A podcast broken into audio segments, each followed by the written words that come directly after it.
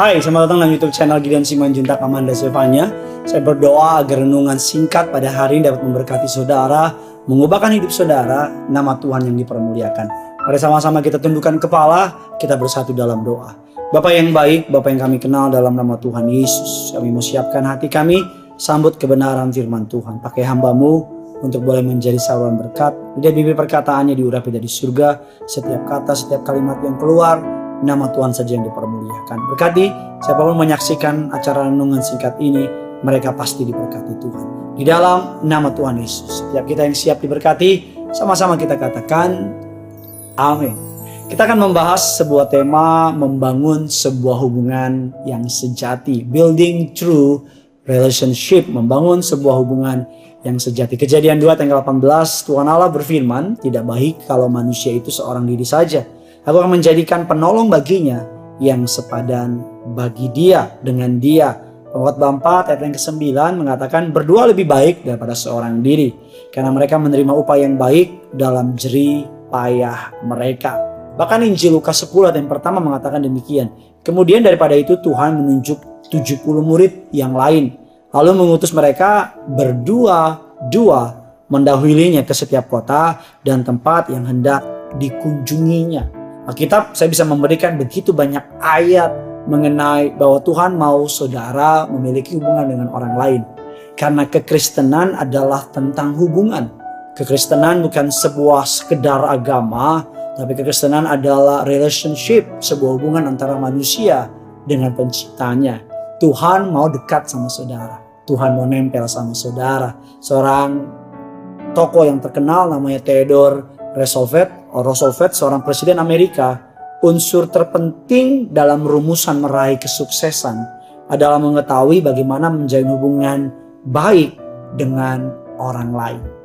Seorang presiden Amerika saja mengatakan untuk menjadi sukses adalah kita perlu memiliki sebuah rumusan bagaimana menjalin hubungan yang baik dengan orang lain.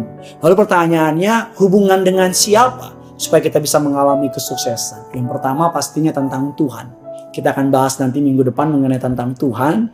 Yang kedua, hubungan yang baik yang perlu kita bangun dengan siapa? Dengan pasangan. Kalau saudara memiliki istri, memiliki suami, atau memiliki orang-orang yang berpasangan dengan saudara, sudah perlu membangun hubungan yang baik dengan orang tersebut. Yang ketiga, kalau saudara sudah berumah tangga dengan anak saudara. Kita perlu menjalin hubungan yang baik dengan anak saudara atau dengan keluarga atau dengan kakak beradik dan yang terakhir membangun hubungan dengan semua orang. Karena kekristenan saya bilang tadi di awal khotbah saya adalah sebuah hubungan. Hubungan dengan Tuhan, hubungan dengan pasangan, hubungan dengan anak, hubungan dengan keluarga atau teman-teman, dan hubungan dengan semua orang atau jiwa-jiwa yang belum mengenal Tuhan. Kita mengatakan bahwa bagaimana caranya kita membangun sebuah hubungan. Yang pertama adalah dimulai dengan love and respect dimulai dengan sebuah mengasihi dan menghormati. Karena bagaimana mungkin kita dapat mengalami hormat dari orang lain kalau kita tidak mengasihi orang tersebut. Ini menjadi sebuah crazy circle, circle atau sebuah lingkaran uh, yang gak putusnya. Kalau kita menghormati orang lain, kalau kita mengasihi orang lain, maka orang tersebut akan menghormati kita. Kalau kita dihormati, maka kita akan mengasihi. Begitu juga selanjutnya kita mengatakan bahwa ketika kita sungguh-sungguh menghormati orang lain, menghormati pasangan kita, menghormati teman kita, mengasihi pasangan kita, mengasihi orang lain dan sebagainya, maka saya percaya saudara akan menjalin sebuah hubungan yang luar biasa. Ada banyak orang menjalin sebuah hubungan, mereka berharap dihormati, mereka berharap dikasihi, tapi dalam in atau dalam titik baliknya dia nggak mau mengasihi, dia nggak mau menghormati. Mari ketika sudah menjalin sebuah hubungan di luar sana, saudara harus memulai dengan sebuah kasih, saudara harus mulai dengan sebuah penghormatan. Saya bergaul dengan beberapa orang yang mungkin secara orang kata orang nggak mungkin bisa bergaul dengan orang seperti tersebut, dengan orang-orang yang kelihatannya kasar, kelihatannya keras, kelihatannya kayaknya gimana gitu saudara.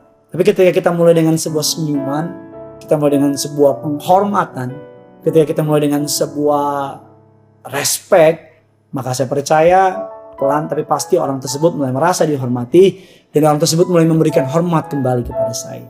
Jadi kalau saudara mau dihormati, kalau mau dikasihi, mari mulai dengan menghormati dan mengasihi orang lain. Yang kedua, bagaimana menjalin sebuah hubungan yang sejati. Yang kedua adalah fokus on others atau memfokuskan, memusatkan diri pada orang lain. Bukan lagi tentang kita, tapi tentang bagaimana kita bisa menolong orang lain, bagaimana kita bisa membantu orang lain. Kita tidak berpikir diri sendiri kurang, tetapi kita kurang berpikir tentang diri sendiri. Ngerti ya bedanya ya? Kita bukan berpikir diri kita kurang, tapi kita kurang berpikir tentang diri kita. Kita memikirkan orang lain. Tahukah saudara, hal yang, yang paling menyenangkan dalam sebuah relationship adalah ketika orang lain memikirkan kita. Dan sebagai contoh, kalau ada teman kita ulang tahun, ada teman kita punya hari tanggal ulang tahun dan sebagian kita mengingat dan kita telepon mereka atau kita beri kado, mereka pasti merasa sukacita karena saudara memikirkan mereka. Dan dalam sebuah titik baliknya, ketika saudara mengalami hal yang sama, biasanya mereka akan melakukan yang sama. Seorang hamba Tuhan namanya John Maxwell mengatakan demikian. Orang lain tidak peduli siapa banyak yang Anda tahu sampai mereka tahu seberapa Anda peduli. Artinya orang lain, orang banyak nggak peduli dengan apa yang saudara tahu. Tapi mereka akan peduli dengan seberapa banyak saudara peduli tentang mereka. Firman Allah mengatakan dalam Yohanes 15 ayat yang ke-12 13, inilah perintahku yaitu supaya kamu saling mengasihi seperti aku telah mengasihi kamu. Tidak ada kasih yang lebih besar daripada kasih seorang yang memberikan nyawanya untuk sahabat-sahabatnya. Dan 1 Petrus 1 ayat ke-22, karena kamu telah menyucikan dirimu oleh ketaatan kepada kebenaran sehingga kamu dapat mengamalkan kasih persaudaraan yang tulus, yang ikhlas. Hendaklah kamu bersungguh-sungguh saling mengasihi dengan segenap hati. Dan yang ketiga yang terakhir bagaimana menjalin sebuah true relationship atau sebuah hubungan yang sejati. Yang pertama tadi apa saudara? Dengan love and respect. Yang kedua dengan apa saudara tadi? Memusatkan diri kepada orang lain, memperhatikan orang lain. Yang ketiga ini kesukaan saya, adalah dengan sincere atau tulus. Firman Allah mengatakan dalam Matius 10 ayat yang ke-16, Lihat, aku mengutus kamu seperti domba ke tengah-tengah serigala. Sebab itu hendaklah kamu cerdik seperti ular dan tulus seperti merpati. Ketika saudara mengasihi orang lain dengan tulus, tanpa ada embel-embel, dekat sama orang bukan ada maunya, tapi karena mengasihi. Saudara tolong orang lain bukan karena ada maunya, tapi karena saudara mengasihi orang tersebut, saya percaya yang dari hati pasti menyentuh hati orang lain. Sebuah ketulusan itu akan mengubah banyak hal. Saya percaya orang-orang akan berteman dengan orang-orang yang tulus. Saya percaya orang-orang akan menghormati mereka yang tulus hati. Mari dekat sama orang bukan karena saudara merasa mau ambil sesuatu, tapi dekat seseorang karena saudara merasa saudara mau jadi berkat buat orang tersebut. Luangkan waktu untuk orang-orang yang saudara kasihi. Kalau kau seorang anak, ayo ambil waktu buat orang tua kamu, ambil waktu buat keluarga kamu. Kalau kau seorang suami, ambil waktu untuk istri saudara. Begitu juga sebaliknya. Karena saya percaya ketika kita love and respect to each other, ketika kita fokus on others, memperhatikan orang lain, tidak memikirkan diri tapi memikirkan orang dan ketika kita sincere, tulus kepada orang-orang di sekitar kita. Saya percaya maka saudara akan dianugerahkan sebuah hubungan yang indah. Orang akan mulai respect sama saudara. Orang akan mulai mengasihi saudara. Dan orang akan mulai mempercayai saudara. Dan ketika hubungan ini sudah menjadi kuat, maka ada banyak pintu-pintu opportunity, pintu-pintu kesempatan, berkat-berkat yang luar biasa akan mulai mengalir dalam setiap hidup saudara dan saya. Jangan lupa tulis komentar di bawah bagaimana saudara memiliki teman atau bagaimana saudara mengalami sebuah hubungan yang memberkati saudara agar orang-orang bisa belajar dari pengalaman saudara dan sama-sama kita akan menjadi berkat di mana pun kita berada.